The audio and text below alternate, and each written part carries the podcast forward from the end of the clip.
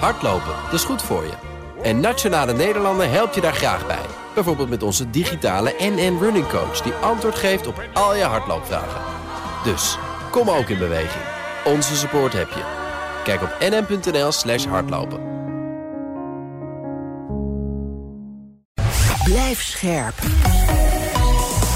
BNR Nieuwsradio. BNR breekt. Ivan Verrips. Goedemorgen en welkom. Vanaf half twaalf praat ik over het nieuws van de dag. Over een Europese defensiestrategie. Die is er nu echt. Maar wat hebben we er eigenlijk aan? En je hebt het vast wel gemerkt om je heen. Het ziekteverzuim gaat door het dak. Wat moet er gebeuren om dat het hoofd te bieden?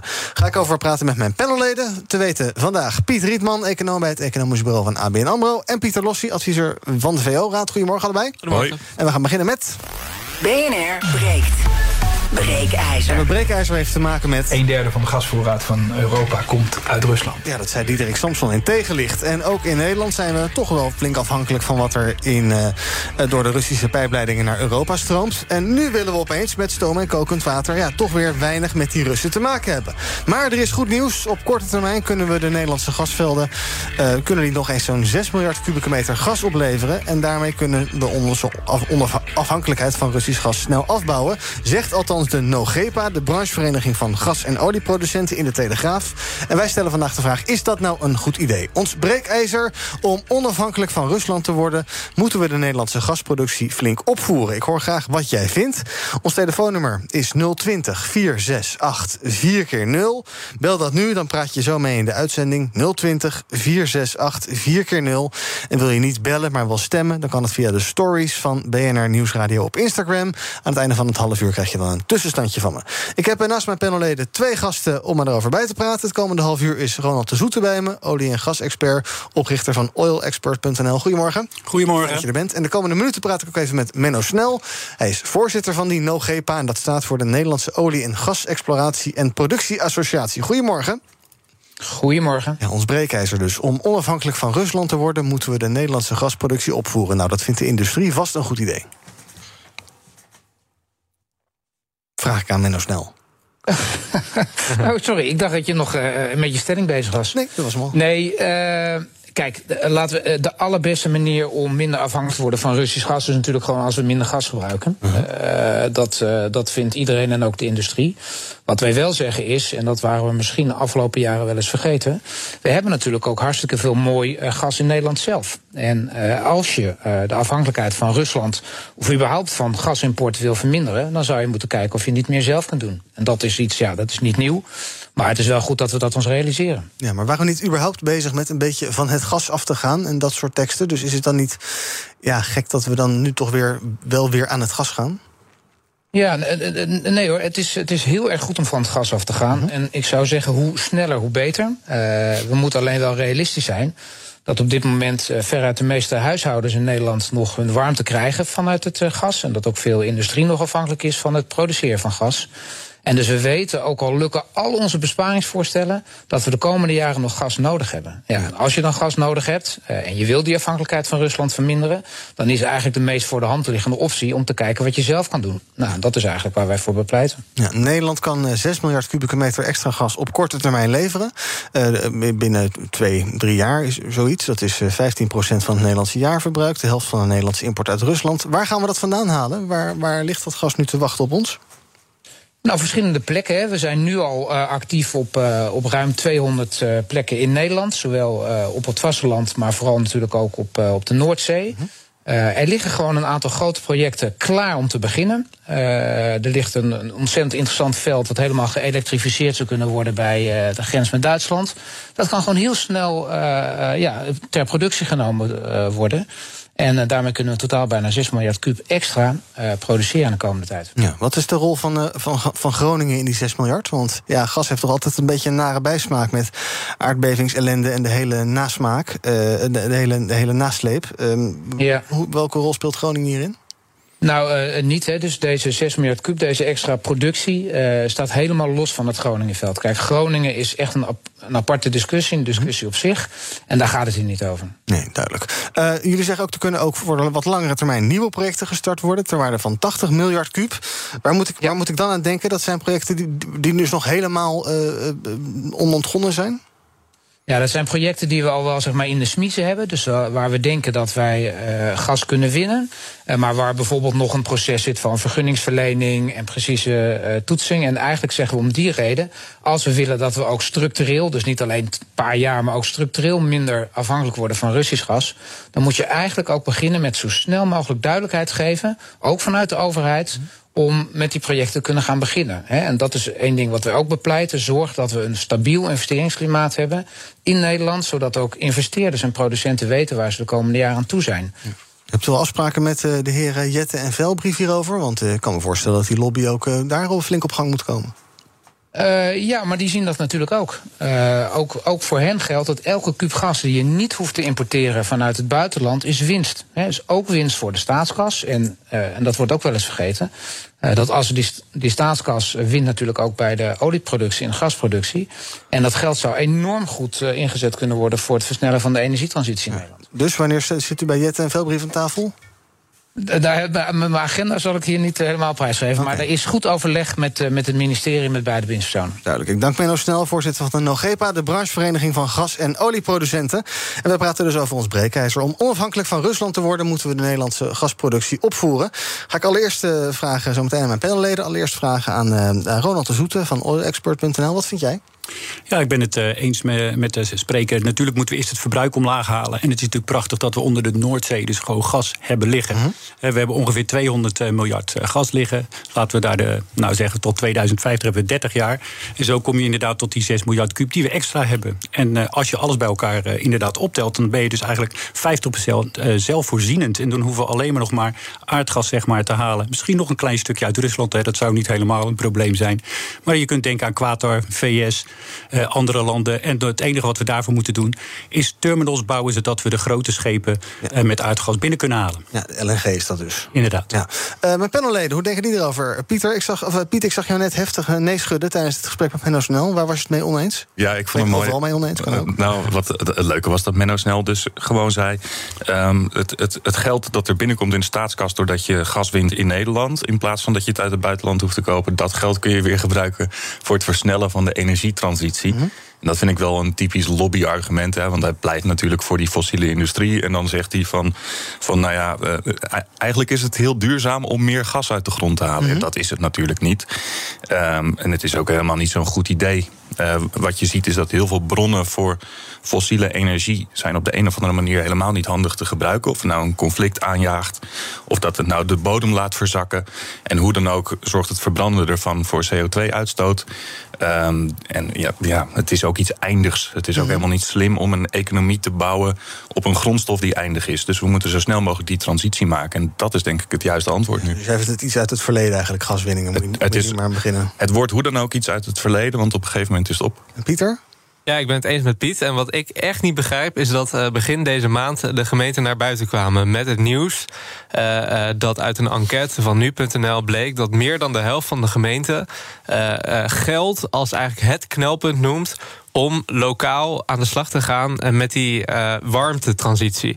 Geld is daar het probleem. Ook als je gaat kijken naar de mensen die lokaal in, in huizen bijvoorbeeld warmtepompen dienen aan te schaffen, dan zien we daar dat ook vaak geld het probleem is.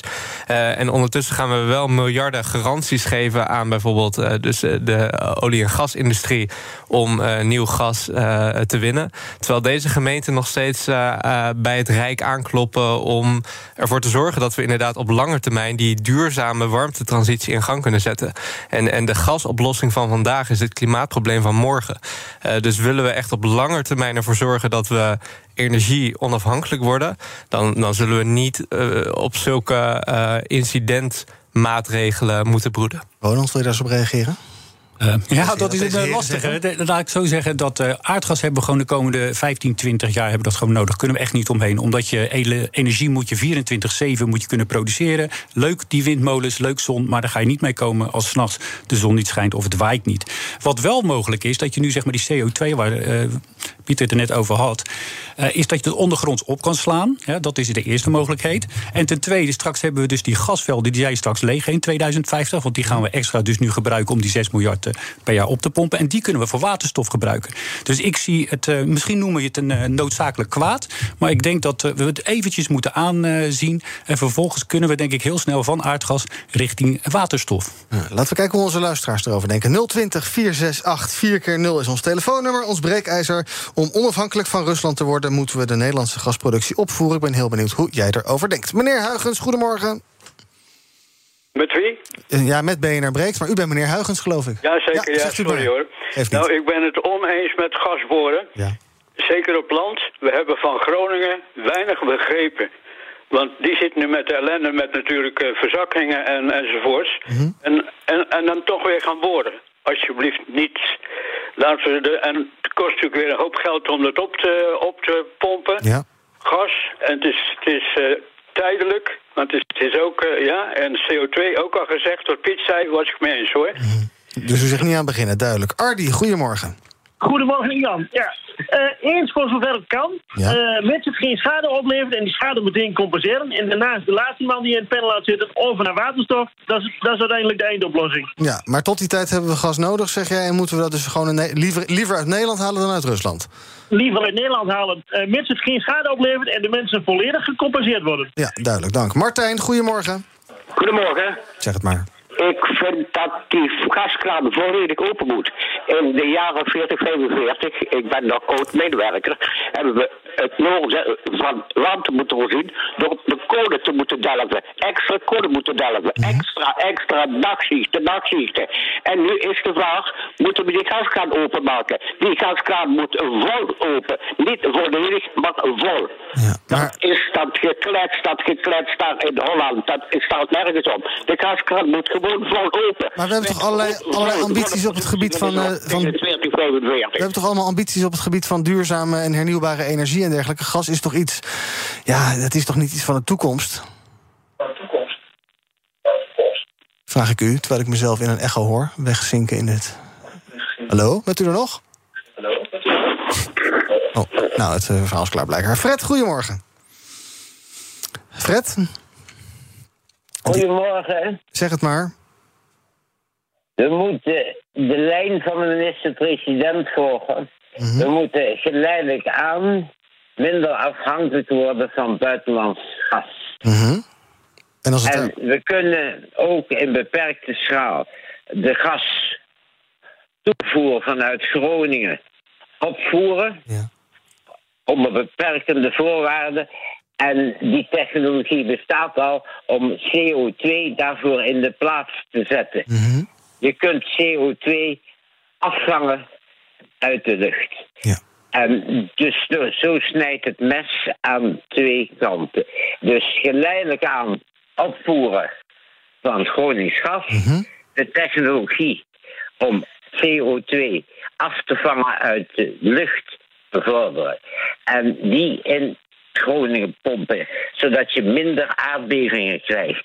En alle mensen in Groningen volledig compenseren. Dank, Fred. BNR breekt. Ivan Verrips. En mijn breekijzer vandaag. Om onafhankelijk van Rusland te worden, moeten we met uh, de Nederlandse gasproductie opvoeren. 020 468 4 keer 0 is ons telefoonnummer als je wil meepraten. Met uh, mij, maar ook met Pieter Lossi, met Pieter Rietman en met Ronald de Zoete, olie- en gasexpert. Uh, Ronald, jij zei net een beetje tussen neus en lippen door. Ja, we gaan dit dus doen. Is dat al zo? Is dit al een done deal? Is dit, denk jij dat dit, ja, dit gaat gewoon gebeuren? Nou, ik denk wel dat het gaat gebeuren. Ik bedoel, het is een korte termijn probleem nu met Rusland. En daar willen we wat eh, minder afhankelijk van zijn. Dus ik denk dat dat uh, ja, wel een goede zaak is. Mhm. Het zal veel geld kosten. Maar ja, de overheid heeft wel natuurlijk de voordelen van. Dus die zal zeg maar er wel goed uit gaan springen. En ze moeten iets verstandiger met dat uh, geld gaan doen. Ja, gaat het Rusland pijn doen als wij minder van hun gas willen hebben? Of merkt Rusland niet zoveel van een klein jongetje Nederland die wat minder afneemt? Nou, het is voor Rusland denk ik wel een pijnlijke situatie. Er wordt nu geschat dat ongeveer ja, zeg maar van die 40% natuurlijk die naar Europa gaat, dat dat richting zeg maar de 30 of 25 procent kan gaan. En uh, Rusland zal echt wel andere aardgas uh, kopers krijgen. Maar je moet dan wel voorstellen dat nu kunnen ze leveren over de pijpleiding. Dat is vrij goedkoop. En straks moeten ze boten gaan vullen en richting het Verre Oosten gaan uh, varen. Dus ze gaan het wel merken, maar ze kunnen denk ik wel zonder ons. Ja, ja en die klanten gaan ook minder betalen dan. Hè? Um, dit gaat natuurlijk over gas. Rusland heeft eerder al gedreigd... ja, als jullie Russische olie gaan boycotten... dan gaan wij die Nord Stream 1 dichtdraaien. Uh, die olieboycott die zou overwogen worden, hoorden we gisteren via Reuters. Laatste nieuws is geloof ik dat hij er toch weer niet komt. Maar uh, dreigt er een energieoorlog? Nou ja, ik eh, denk dat eh, de EU wel eh, de knopen telt. En ze snappen heel goed dat als ze straks geen olie meer afnemen, dat Rusland natuurlijk dan zegt van ja goed, als je dat niet wil, je gaat alleen maar de mooie knikkers eruit halen, mhm. dan kun je ook verwachten dat wij minder gas gaan leveren. En onze industrie, en gisteren las ik een stukje over de tuinbouw, dat 40% van de tuinders het moeilijk heeft en mogelijk failliet gaat. Laten we niet onderschatten wat de impact is van een economische crisis. En corona moet nog betaald worden. Ehm, de groene energietransitie moet nog betaald worden. De energie rekeningen moeten nog gecompenseerd worden. Dus ik denk dat eh, de EU best wel beseft dat dat geen optie is. Piet, als we nou uh, en geen Russisch gas meer willen... en we willen in Nederland niet oppompen... Uh, ja, Ronald zegt ook, we hebben gas nou eenmaal gewoon nodig... want bedrijven draaien erop en jou en mijn huis... nou ja, mij nog niet meer, maar de meeste huizen draaien erop. wat is dan het alternatief? Ja, er zijn geen alternatieven. Dus we hebben het eigenlijk uh, met, op alle vlakken te ver laten komen. We wisten al jaren dat het geen goed idee is om Russisch gas te importeren. We wisten al jaren dat de Groningse bodem verzakt. We wisten al jaren dat de alternatieven voor Russisch gas... dat zijn landen waar je eigenlijk ook geen fossiele brandstoffen van wil halen... omdat daar de politieke situatie ook niet uh, heel erg uh, onvrolijk van te worden is. als je het uit de VS haalt, dan is dat schaliegas. en daar verzakt de boel. dus er zijn eigenlijk heel weinig goede alternatieven op het gebied van fossiel. En we hebben het zover laten komen omdat we een economisch systeem hebben gebouwd dat afhankelijk is van fossiel. Dat hadden we nooit moeten doen. En nu is het enige dat we kunnen doen het zoeken naar minst slechte alternatief. Ja, en dat is dus misschien wel dit. Dat is dan misschien wel gas uit de Noordzee. Ja. ja. Uh, Pieter, um, uh, dit soort uh, gaswinning moet ook aan allerlei eisen voldoen. Vergunningseisen van het Rijk, van lokale overheden, controles van het staat toezicht op de mijnen. Um, als het allemaal veilig kan, ja. um, daar vanuitgaande, hebben, hebben wij niet een soort trauma aan Groningen opgelopen. Dat we daar gelijk aan denken, terwijl dat misschien ook een beetje onterecht is. Het is daar helemaal misgegaan, maar dat hoeft niet te zeggen dat het in Noordzee ook helemaal misgaat. Bovendien, daar woont niemand. Nee, dat klopt. Uh, nou ja, daar, daar wonen natuurlijk heel veel uh, dierlijke wezens uh, die, die ook last kunnen gaan hebben van gaswinning daar. Nou ja, feit is dat het natuurlijk heel goed is dat waar die fossiele winning van, van energie nu nog en de komende paar jaar hopelijk uh, en niet heel veel langer uh, gaat plaatsvinden, dat dat zo veilig mogelijk gebeurt. Mm -hmm. En ik denk inderdaad dat als je slechts gaswinning beoordeelt op wat er in Groningen is gebeurd, dat je dan een uh, oneerlijk beeld schetst. gas is bijvoorbeeld nog steeds ook qua uitstoot uh, veel beter dan, uh, dan kolencentrales. Dus nou ja, het, het idee dat, dat gas per definitie iets slechts is en dat we daar uh, vandaag nog mee zouden moeten stoppen, dat is dus denk niet realistisch en een oneerlijk beeld. maar feit is wel dat, dat voor, de, voor milieu, voor, voor klimaat, voor energieonafhankelijkheid op lange termijn, ook voor vrede en veiligheid. Als je nu gaat kijken naar het conflict van Rusland en, en Oekraïne, dan is die dimensie eigenlijk van energie, wat mij betreft, nog veel te veel onderbelicht. Als we mhm. al die zaken op lange termijn uh, willen garanderen voor toekomstige generaties, dan kunnen we niet al te lang wachten door met allerlei uh, symptoommaatregelen van crisis naar crisis te blijven gaan. En moet je op een gegeven moment zeggen: oké, nu gaan we het echt anders doen. We konden uh, in de coronapandemie voor heel veel uh, Nederlanders allemaal steunmaatregelen bedenken, allemaal uh, mondkapjes inkopen. Waarom gaan we dat niet doen met uh, isolatiemateriaal, met, met warmtepompen, et cetera? Zoals Siewert van Linde even een sms'je sturen, die heeft vast nog wel contacten. Aniek, goedemorgen. Goedemorgen. Zeg het maar. Um, ja, nou, ik, uh, het lijkt mij ook, ik ben het helemaal met de vorige spreker eens, dat, uh, dat we niet zoveel alternatieven hebben en dat je zeker dat uh, gas uit Groningen weer moet overwegen. -huh. Maar wat ik met name, ja, wat mij verbaast in de hele discussie in Nederland eigenlijk al jaren, is dat ik nooit terugzie waarom er, er zijn vrij makkelijke oplossingen voor die, ja, dat trauma wat we hebben opgelopen aan Groningen. Je kunt namelijk huizen vrij makkelijk aardbevingsbestendig of bevingsbestendig bouwen en zeker repareren. Ik ben net terug uit uit, uit Chili. Ik heb daar 14 jaar gewoond. En daar doen ze al meer dan een halve eeuw niet anders. En overigens niet alleen in Chili, maar ook in Japan en de VS. En je kan dat eigenlijk heel makkelijk oplossen. En ik zie dat nooit terug in de discussie in Nederland. Waarom pak je die uh, huizenproblematiek niet adequaat aan? Zorg je dat de huizen aardbevings- of bevingsbestendig worden gebouwd? Je repareert ze in plaats van uh, ze met een paar uh, cracks, hoe zeg je dat, een paar um, uh, scheuren helemaal tegen de grond te gooien, wat ik ook al heb gezien. En dan, ja, dan zie ik eigenlijk het, het probleem niet om in ieder geval op korte termijn deze, ja, deze crisis um, aan te pakken. Duidelijk. Aniek, dank voor het bellen. John, goedemorgen. Goedemorgen, goedemiddag. Zeg het maar. Uh, nou, ik ben het helemaal eens met mijn vorige spreekster. uh, ja, ik, eh, ik zou ook de, de, de, de winst die uit het gas komt... ja, zoals wij in Nederland natuurlijk gewoon een handelseconomie hebben. de gas die we nu kunnen winnen, kunnen we gewoon goed verkopen en zelf gebruiken. de winst uit gewoon de woningen opnieuw opbouwen en aardbevingsbestendig bestendig maken. Ja. Dus doen. Dat lijkt mij gewoon een hele goede, goede oplossing. Zeg jij, dank voor het bellen. En na John hebben we nu nog een John of een John, ik weet niet. Goedemorgen. Komt goed, John Eisenka. Goedemorgen. Ja, John, zeg het maar. Dat is een goede naam. Um, nee, wat mij betreft, het is oorlog. Niet voor de huisdeur, maar wel oorlog. En dan moet je ophouden je vijand te voeden. En mijn persoonlijke positie is 14 jaar warmtepomp, 8 jaar elektrisch. Dus ik wil ook van het gas af. Ik ben er al lang vanaf. Maar als er iets slecht is voor je milieu en je portemonnee, is het oorlog. Ja. En... Dus wat mij betreft, de Groningers verwennen. Nu pompen en daarna zo gauw mogelijk erbij weg. Ja, duidelijk. Dank voor oorlog. Dankjewel. Nog twee bellers tot slot van dit half uur. Annette, goedemorgen. Goedemorgen met uh, Annette. Um, ik ben het oneens met die stelling. Ik denk dat het zaak is om zo snel mogelijk uh, onafhankelijk te worden. Mhm. En dat kan door bijvoorbeeld een uh, zoutwateraccu. Dat uh, maakt het mogelijk om zonne-energie die we nu niet kwijt kunnen op het uh, energienet, gewoon uh, overdags op te slaan in die accu. En dan, ja, dan, dan kan je overdags gebruik maken van, of s'nachts gebruik maken van opgeslagen energie. Dus het is gewoon heel belangrijk om opgewekte energie op te kunnen slaan. En dan kunnen we eigenlijk met z'n allen off-grid. Ja, dus jij pleit voor allerlei innovatie op dat gebied. En tot slot, Paul, goedemorgen. Ja, goedemorgen. Um, ik vind erg, ergens dat we korte termijn en lange termijn uit elkaar moeten halen. We mhm. voeren vandaag oorlog. Dat betekent als wij tegen Rusland zeggen: we nemen je gas vandaag niet meer af, dat ze die inkomsten niet meer hebben. Dan moeten wij dus vol stoken met Gronings gas. Uh, dan moet je heel snel dus de Groningers uh, compenseren geef iedereen 1000 euro die er woont, iedere 21-jarige 10.000 en iedere huisbezitter 100.000. En we pompen één jaar lang en dan is de oorlog over. Dan worden er geen mensen meer vermoord. En dan komt er weer gewoon gas uit Rusland.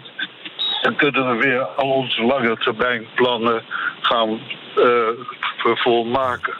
Duidelijk, dank voor jouw beeld in de toekomst. Paul, um, tot slot Ronald, voordat ik ga eh, zeggen ook hoe onze uh, luisteraars op uh, Instagram reageren, Ronald. Eneco maakte vanochtend bekend dat ze geen nieuwe contracten meer afsluiten voor de levering van Russisch gas. Nu komt zo'n 15% van het gas dat Eneco levert uit Rusland. Ik denk dat Eneco-klanten veel meer gaan betalen, dus binnenkort. Nou ja, wat het betekent, Eneco komt natuurlijk uh, vaak ook uh, aardgas op de markt. En uh, die marktprijs die stijgt dan, hè, want je kan aan bepaalde hoeveelheden niet komen. De Russische hoeveelheid kun je niet aankomen. Die gaat dan een andere plek dan vinden.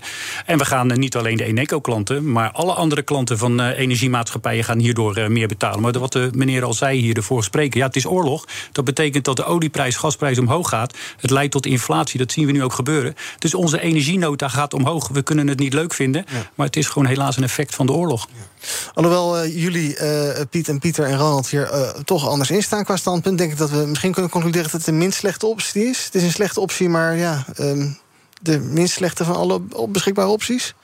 Ik denk dat het gewoon uh, zaak is om toe te geven dat we gewoon afhankelijk zijn van gas. Er is een mooi moment die ontstaan, mooi tussen aanhalingstekens, dat de noodzaak om om te schakelen groot wordt. Uh-huh. Die energietransitie kan nu een extra slinger krijgen. En eigenlijk denk ik dan maar, laten we maar positief ernaar kijken. En laten we die groene energietransitie omarmen en zorgen dat we minder energieafhankelijk worden van landen waar we zeg maar, het regime niet zo van steunen. En voor jullie nog een slotpleidooi?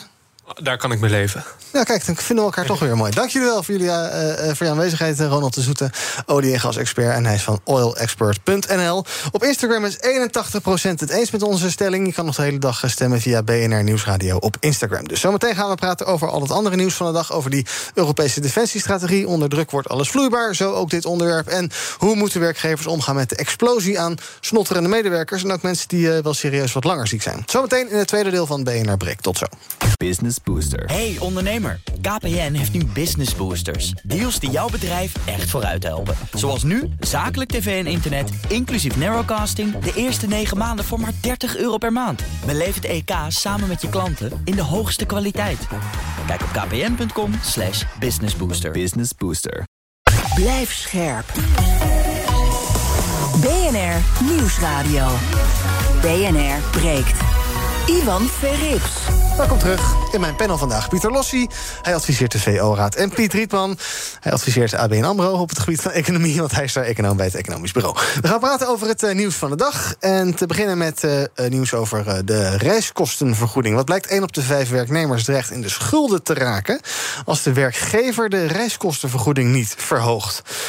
door stijgende benzineprijzen betalen werknemers zich helemaal schil... om op het werk te kunnen komen. 30% van de werknemers krijgt trouwens überhaupt geen reiskostenvergoeding. De rest krijgt uh, maximaal 19 cent per liter vergoed. Uh, per kilometer, denk ik, is dat? Ja, per kilometer vergoed. Ja, wij merken die prijsstijging allemaal. Uh, logischerwijs is het zo... Uh, ja, die 19 cent, dat is, dat is zo'n limiet die is gesteld door Politiek Den Haag. Dat, dat, kan je belastingvrij kan je dat, teruggeven. Ehm, moet dat nu verhoogd worden, nu brandstofprijzen zo hoog zijn, Piet? Nou, dat is een politieke keuze. die 19 cent die klopt sowieso al niet meer als je uitrekent hoeveel tanken kost en dergelijke. Nee, alleen je benzine kan je dan niet meer betalen. Ja, Laat de, staan de rest van je kosten. Dus het is veel meer dan die 19 cent. Maar goed, je, je zou ook kunnen denken van nou, als je als Den Haag al geld uitgeeft om het mensen makkelijker te maken om naar hun werk te reizen, dan kunnen we ook uh, openbaar vervoer goedkoper of gratis maken. Hè. Dus dus in het kader van um, radicale keuzes om te maken om van fossiele brandstoffen af te komen, kun je ook heel andere dingen beslissen, denk ik. Ja, zou je beter maar eens, Pieter? Zou je dan liever zeggen, nou ja, laat die 19 cent maar staan en uh, uh, verhoog inderdaad, uh, maak, maak OV goedkoper en bereikbaarder? Nou ja, feit is dat OV nog steeds niet op de maximale capaciteit zit zoals het voor de coronacrisis zat. Dus nou, als ik zelf ook, ik ben een regelmatige OV-gebruiker, kijk qua drukte in treinen, dan is daar volgens mij nog best wel plek. En, en zou je dat inderdaad inderdaad voor mij eh, aantrekkelijker eh, eh, kunnen maken. Feit is natuurlijk dat de overheid door het schrappen van enkele accijnsen op benzine natuurlijk sowieso al tegemoet komt aan autorijders. En daarmee dus ook uh, werknemers. Dat gaat, ik geloof, vanaf volgende maand in. Ja, 1 april. precies. dus, dus daar heb je ook iets van steun. En volgens mij is het helemaal niet heel verkeerd. als we gaan kijken hoe we het goede van hybride werk inderdaad kunnen behouden. als daar het neveneffect van is dat inderdaad we minder fossiele brandstoffen gebruiken. en nou, mensen ook wat langer kunnen uitslapen soms. Ja, maar ja, werken is toch ook. Ik bedoel, je kan jezelf wel thuis op gaan sluiten en je verwarming op nul zetten en uh, in je bed gaan liggen. Nee. Maar, dan heb je geen uitstoot, dat niet. Maar. Precies, exact. Dan, dat is de ultieme uitstoot. Dan kunnen nee, we beter stoppen. Dus, dus, ja, hoe, uh, hoe, hoe weeg je dat van af? Want nee, mensen zijn ook sociale wezens, willen samenwerken, willen samen iets doen, overleggen enzovoorts. Dus ja. Zeker, maar vandaar de nuance. Dus, uh -huh. dus daar pleit ik niet voor. Maar het goede van hybride werken betekent dat je nou, uh, je mailbox bijwerken niet per se op kantoor hoeft te doen. Feit is dat je heel veel inderdaad sociale interactie wel nodig hebt voor nou, diverse uh, werkplekken. En dat moet ook gewoon gerealiseerd blijven. En je moet ook niet willen overigens dat uh, leraren bijvoorbeeld in dit land uh, opeens niet meer voor de klas kunnen staan omdat ze te ver moeten reizen en die benzineprijzen niet meer kunnen betalen. Dus nou, daar moet door werkgevers en door de overheid echt wel naar gekeken worden. maar laten we niet doen alsof het een, een recht is dat Nederlanders in Nijmegen kunnen gaan wonen en in Den Haag kunnen gaan werken. en dat de overheid dan altijd garant zou moeten staan voor een bepaalde benzineprijs. Hm. Die accijnsverlaging, Piet, ben je daar voorstander van? Nee, eigenlijk niet. Uh, want het is een generieke maatregel voor alle inkomensgroepen. En daar ben ik eigenlijk op tegen. En als je dan kijkt hoeveel profijt hoge inkomens daarvan hebben, die hebben er meer profijt ja. van dan lage inkomens. Uh, en ik denk dat het probleem met die hoge uh, gas- en olieprijzen, dat, dat is vooral de koopkrachtdaling bij lage inkomens. Dus had er nou voor gekozen om bij die groepen uh, een, een, vergoeding uit te betalen. Uh, maar nu um, ja, stimuleer je eigenlijk gewoon voor alle inkomensgroepen stimuleer je benzinegebruik. Nou, volgens mij is dat niet slim. Nee, misschien werkt het wel averechts in de zin zelfs dat uh, we dan weer lekker meer gaan rijden. Dat zou logisch zijn. En dan, uh, ja, de overheid plust het wel bij en maakt het over naar Rusland. Uh, om het maar even door te trekken. Ik weet niet of we, of we meer gaan rijden, maar we gaan in, ja, we gaan in ieder geval minder, minder ervan rijden. Mm -hmm. En dat is niet slim, want je moet juist op dit moment er alles aan doen om het gebruik en de afhankelijkheid van fossiele brandstoffen te laten afnemen. Ja, dus wat had je dan gedaan? Niks, maar wel voor kwetsbare groepen die echt in de problemen komen, zoals ik had dan iets gedaan voor lage inkomens. Ik had dan iets gedaan om, uh, om openbaar vervoer uh, goedkoper of gratis te maken. Dat soort maatregelen die, die zijn denk ik iets meer op de lange termijn gericht. Mm -hmm. Tegelijkertijd snap ik dat je als Den Haag denkt van oh, er is een probleem. We moeten al per de eerste van de komende maand een maatregel hebben. En dan is het verlagen van accijnsen makkelijker dan de dingen die ik zojuist noemde. Dus eh, ik, vanuit pragmatisch oogpunt snap ik het ook wel. Ja, en Pieter Den Haag is natuurlijk niet zo goed in maatwerk. Het is natuurlijk ook last, lastig. Is lastig. Ook, ook ICT-wise en dergelijke. Ja, wat wel natuurlijk heel raar is, is dat ze bij uh, de accijns uh, of de, de BTW-afschaffing op groente en fruit zeiden: ja, jongens, dit wordt lastig de komende regeerperiode ja. van nog drie jaar. Uh, en dat ze nu bij die accijns, accijnsverlaging slash afschaffing op benzine zeggen: Oké, jongens, dit kunnen we in een paar dagen regelen. Dus volgens mij, waar een wil is, is een weg. En, en wordt dat ICT-probleem bij de overheid ook wel soms vanuit politieke uh, doeleinden, is mijn vermoeden in ieder geval uh, uh, ingezet. feit is wel natuurlijk dat het hier een beetje broekzak-vestzak is. Want het klinkt allemaal wel heel leuk dat, dat autorijders, mede door de overheid, dus minder geld hoeven te betalen aan, aan benzine. Maar uiteindelijk is dat, zijn dat natuurlijk belastinginkomsten die de overheid niet krijgt, die ze op een andere manier moeten krijgen. Waarbij geldt dat alle Nederlanders daarvoor op moeten draaien. En dan moet je je afvragen: ja, wil je dat alle Nederlanders gemiddeld genomen gaan bijdragen aan het fossiele gebruik van autorijders? Mm -hmm. Of wil je dan bijvoorbeeld uh, ervoor zorgen dat bijvoorbeeld uh, uh, werkenden in de laagste inkomensgroep een belastingvoordeel krijgen? Ja, dat, dat zijn keuzes. Ja. andere bedrijvennieuws komt van de Interpolis deze ochtend. Zij melden dat het ziekteverzuim de pan uitreist. MKB-ondernemers hebben veel moeite om hun zaak draaiende te houden. Moeten soms zelfs dagen sluiten vanwege het tekort aan personeel. We zouden daar deze ochtend over praten met iemand van Interpolis, maar die was ziek. Geen grap. Um, ja, dat kan gebeuren. Uh, Piet, uh, we kunnen werkgevers iets doen om dat ziekteverzuim ja, beperkt te houden of iets. Het is ja.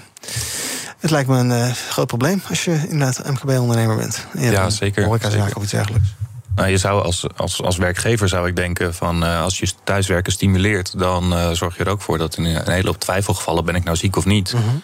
En dan gaan, willen mensen misschien wel thuiswerken of ja. wat flexibelere uren werken. Um, en, en gaan ze niet uh, 9 tot 5 in een kantoor zitten. Nee. Dus misschien dat je de arbeidsparticipatie in uren uitgedrukt verhoogt als je meer, meer thuiswerkt. Dat, ja. dat zou een, een richting kunnen zijn. Ja, maar je hebt natuurlijk niet zo van als je een café hebt of je hebt een winkel iets, iets dergelijks waar mensen achter de kassa moeten staan. Dat kan heel slecht. Nee, dan, dan, dan heb je gewoon te maken met het simpele feit dat werknemers uh, mensen zijn, af en toe ziek en daardoor uh, ben je geld kwijt terwijl er geen productiviteit uh, tegenover staat. Ja, en dat is een van de nadelen van het werkgever zijn. Ja, Pieter, zijn we er al aan toe om mensen die geen klachten hebben, maar wel positief testen, gewoon naar het werk te laten gaan? Of is dat voorlopig niet verstandig, denk je? Poeh, dat vind ik een lastige. Ik denk, nou ja, ik denk als je geen klachten hebt en, en onderzoek wijst steeds vaker uit dat je daardoor minder besmettelijk bent.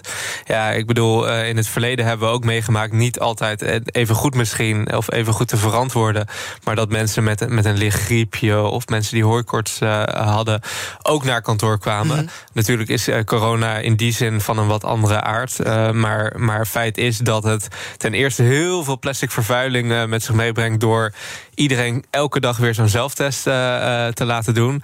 en dat inderdaad heel veel van de productiviteit en van het welzijn ook verloren gaat als je iedereen bij een positieve zelftest zonder klachten dan maar weer tien dagen gaat laten isoleren. Vijf. Dus volgens mij het vijf. Oh, dat is heel goed. Dan ben ik nog niet helemaal op de hoogte.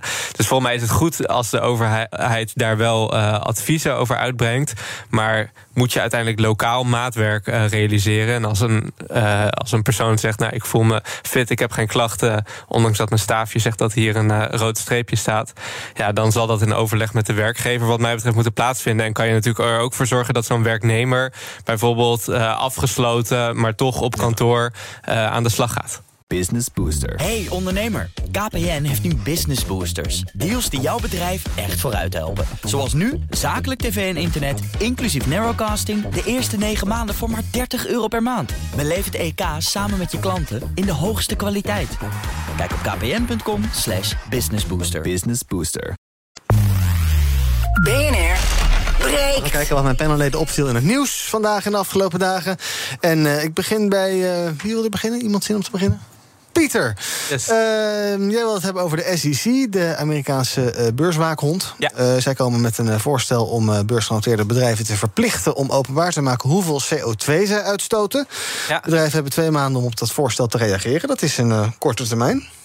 Zeker, eh, zeker. Maar er werken natuurlijk heel veel mensen bij zulke beursgenoteerde bedrijven. Dus dat, uh, daar moeten ze maar een, uh, een beetje tijd voor vrijmaken in hun agenda, zou ik zeggen. de SEC is dus, ik had het net met Piet even over een soort AFM, ja. zoals dat in Nederland is. En het is zo dat dat voorstel dus luidt dat beursgenoteerde bedrijven één hun uitstoot moeten melden, maar ook bijvoorbeeld moeten rapporteren hoe hun voortgang qua klimaatbelofte uh, uh, nou, gaat. Mm -hmm. En uh, dat zij ook vaker klimaatrisico's moeten meenemen in hun communicatie richting het publiek. En het leuke aan dit voorstel is dat dit volgens mij nou, heel veel effect kan gaan hebben. Het leuke aan dit voorstel is ook dat er door de SEC is, voor is gekozen om ook indirecte uitstoot mee te nemen. Dus stel je voor, je bent een Unilever hier en je maakt bakpoeder. Mm -hmm. dan heb je water nodig thuis om uiteindelijk tot, tot een cake te komen. Ja. Uh, en ook dat water moet dus in die uitstoot en in dat totale milieupakket uh, uh, worden meegenomen. Dat is lastig om te berekenen. Ja, want dan moet je ook meerekenen dat mijn oma taart komt eten bij mij en die komt met de auto. En om die ja, auto te maken. Inderdaad. Dus het vervoer bijvoorbeeld naar supermarkten om die bakpoeder Oh op te halen, valt ook onder die indirecte uitstoot. Maar, maar daardoor krijg je wel een heel inclusief beeld van de totale milieu-impact van beursgenoteerde bedrijven. Mhm. En volgens mij is dat heel goed, omdat natuurlijk de, de afgelopen tijd en de komende jaren steeds meer uh, generatie I en generatie Z uh, veel meer die aandelenmarkt uh, gaan bestormen. En zij veel meer eisen gaan stellen aan wat beursgenoteerde bedrijven doen. En nu heb je natuurlijk wel ESG-criteria. Mm -hmm. maar om echt heel transparant en, en duidelijk en overzichtelijk voor deze groep nou, in communicatie en in gegevens duidelijk te maken welke bedrijven bijvoorbeeld binnen een bepaalde sector het, het best presteren, mm -hmm. maakt echt dat er heel veel geldstromen die nu nog in uh, relatief inefficiënte bedrijven zitten, uh, potentieel in de toekomst ja. naar die uh, milieuvriendelijkere bedrijven zal, zal gaan. Ja. Waardoor ook die bedrijven een perverse prikkel economisch hebben richting die aandeelhouders om veel sneller aan de slag te gaan met bijvoorbeeld CO2-reductie. Is het niet ook een beetje uh, logisch nadenken. Want je, je, kan je bedenken dat een uh, staalproducent veel CO2 uitstoot en een communicatieadviesbureau niet. Nou, nee, moet, ja, dat, moet dat nou allemaal zo, uh, zeker zoals jij het nu schetst met de toeleveranciers en ja, dan. ja. poeh. Ja, nee, uh, maar wat je natuurlijk hebt is dat uh, er bijvoorbeeld mensen zijn die zeggen: ik wil in een uh, drankjesindustrie investeren waarin ze zwarte drankjes maken met bubbels. en dan heb je Coca-Cola en dan heb je Pepsi. Ja. En, en dan blijkt dat Coca-Cola even hypothetisch, uh, twee keer zo efficiënt te werk gaat, milieutechnisch, uh, als uh, Pepsi dat doet. Ja. Nou, dan is er voor beleggers een reden om voor dat ene bedrijf te gaan, in plaats van voor een ander bedrijf. en, en inderdaad, het feit is, een communicatiebureau stoot minder uit dan bijvoorbeeld een Shell. Mm -hmm. Maar op het moment dat investeerders en beleggingsbureaus een keuze kunnen maken tussen Shell, Gazprom, BP, et cetera, dan, dan heb je al dat binnen sectoren uh, de duurzaamste partijen zullen gaan winnen op lange termijn. Dan vooral vergelijken binnen sectoren. Precies. Uh, uh, Piet, als econoom, goed idee? Ik denk het wel. Ja, je, moet, je moet voortdurend op zoek naar hoe je CO2 uitstoot en de prijzen van hoe je dat meer en meer meetbaar maakt. En dan heb je de grootste social impact van, uh, van dat soort investeringen en dat soort bedrijfsvoeringen. En dit is weer een stap in die richting. Ja. Luc je toch spreken. Jij wil het hebben over het voorkomen van misstanden als Oekraïnse vluchtelingen uh, op 1 april de arbeidsmarkt gaan betreden. FNV pleit daarvoor, voor het voorkomen van die misstanden. Ja. Uh, veel arbeidsmigranten worden nog altijd als tweederangs burger behandeld. We kennen de verhalen, we kennen de misstanden uit de sector. Ehm, ja, ehm, jij vreest dus voor ellende daarmee? Ja, want er zijn um, goede en foute uitzendondernemers. Uh, straks zit Julian Koops dus in het volgende uur hier van uitzendkoepel ABU. Nou, die hebben een heel degelijk verhaal. Die wijzen erop dat vluchtelingen die naar Nederland komen... eerst een dak boven hun hoofd nodig hebben... en het gevoel moeten hebben dat ze veilig zijn... en de kinderen moeten naar school. En als ze dan willen werken, dan zouden ze eventueel in, aan de slag kunnen in sectoren waar uh, um, mensen tegen fatsoenlijke arbeidsomstandigheden aan de slag kunnen. Nou, dat is een heel ander verhaal dan je ook wel de afgelopen weken van uitzend, sommige uitzendondernemingen hebt gehoord. Namelijk, uh, nou ja, het kwam erop neer dat ze eigenlijk stonden te, stonden te springen om zoveel goedkope arbeid die naar Nederland ja, toe komt. Dat is natuurlijk ontzettend insensitief om dat te denken of überhaupt uit te spreken op het moment dat er een, hele grote humanitaire crisis aan de gang is. En ik denk om die reden dat de goedwillende partijen in Nederland uh, met de Rijksoverheid ook om, om tafel moeten. Hè, die uitzendkoepel ABU, maar dus ook de FNV die uh, goed uh, oog heeft op de situatie. Om, om nou te kijken hoe bieden we deze mensen kwalitatief hoogstaand werk en hoe zorgen we ervoor dat er dus geen werkgevers um, bijvoorbeeld naast dat ze uitzendbaas zijn ook huisbaas zijn. En dan zit je met z'n achter in, op een vakantie vakantiepark.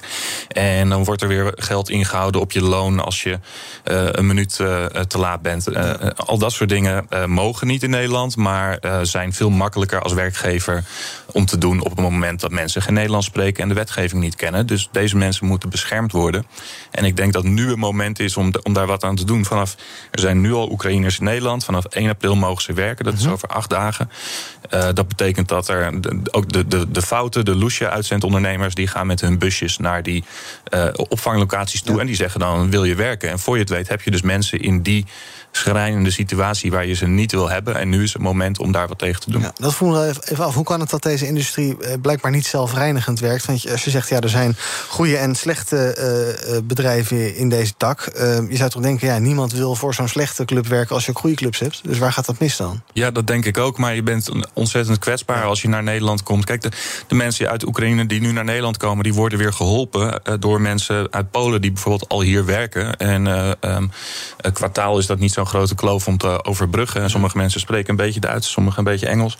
Maar je bent op een ontzettende achterstand. En dan pak je elk werk aan dat je kunt krijgen. Uh, ja, en die, uit, die, die foute werkgevers die ertussen zitten, die zijn er nog altijd. Uh, en dat is ook een gebrek aan eh, daadkracht en slagkracht van de arbeidsinspectie in Nederland. We zouden die gewoon moeten uitbreiden qua bevoegdheden, qua budget. Dan kun je veel beter optreden tegen dit soort clubs. En ja, hetzelfde geldt voor de aanbevelingen. Commissie Roemer heeft onderzoek gedaan naar wat moeten we nou met misstanden in de uitzendbranche. Dat onderzoek is al lang klaar. De lijst aanbevelingen is al lang klaar. Hm. Ze zijn nog niet overgenomen. Neem die aanbevelingen over om ervoor te zorgen dat Oekraïners niet met dezelfde problemen te maken krijgen als Polen en Litouwers in Nederland in de afgelopen jaren hadden. Aan de slag dus. En tot slot van deze uitzending kijken we nog even wat er trending is. Hashtag paardenbijter en hashtag libellenlente. Twitteraars zijn erg enthousiast over de paardenbijter. Dat is dus een libelle die in veel verschillende soorten voorkomt. Die eh, hangt graag bij mensen en dieren in de buurt... waardoor het lijkt alsof die bijt. De komst van de paardenbijter is een mooi teken van het begin van de lente. Verder is het vandaag de laatste dag dat het mondkapje verplicht is... in het openbaar vervoer. Heel Nederland lijkt net zo blij te zijn als uh, oud-minister Grapperhaus. We gaan een beetje zingen te lente in, u kent hem nog wel. Zeg, mondkapje, waar ga je heen? Dit nationale trauma. En wellicht uh, kan er een soort nieuwe remix gemaakt worden... van dat gezellige liedje van Grapperhaus. Leuk zijn. naar het vuil, naar het vuil. Ja, tot slot heel kort nog even over uh, Niederver Gundogan. Gaan we niet uitgebreid over hebben. Alleen zojuist is bekend geworden dat uh, Volt haar daadwerkelijk uit de fractie heeft gezet. Het was een beetje vaag. Zij zou vandaag uh, bij haar fractie komen om uh, bij die stemming te zijn over haar positie. Samen met uh, Laurens Dassen en Marike Koekoek. Maar daar was ze niet bij. Waarom ze er niet bij is, weten we niet. Een NOS-journalist meldt dat zij met koorts in bed zou liggen. Nou ja, het is een verdrietig verhaal, die hele kwestie. Gundogan. Maar zij, uh, uh, Das en Koekoek zouden nu dus gestemd hebben... dat zij daadwerkelijk uit de fractie is gezet. Ga je later op BNR meer over horen. Misschien zometeen al in de nieuwsupdate. Anders op bnr.nl. En anders als de breaking news is natuurlijk vanmiddag in de middag. En bnr.nl, je weet gewoon wel waar, waar we te volgen zijn. Goed, zometeen zaken doen met Thomas van Zel. Tot morgen. Hardlopen, dat is goed voor je.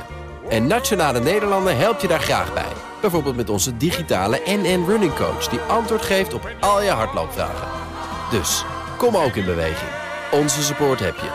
Kijk op nn.nl slash hardlopen.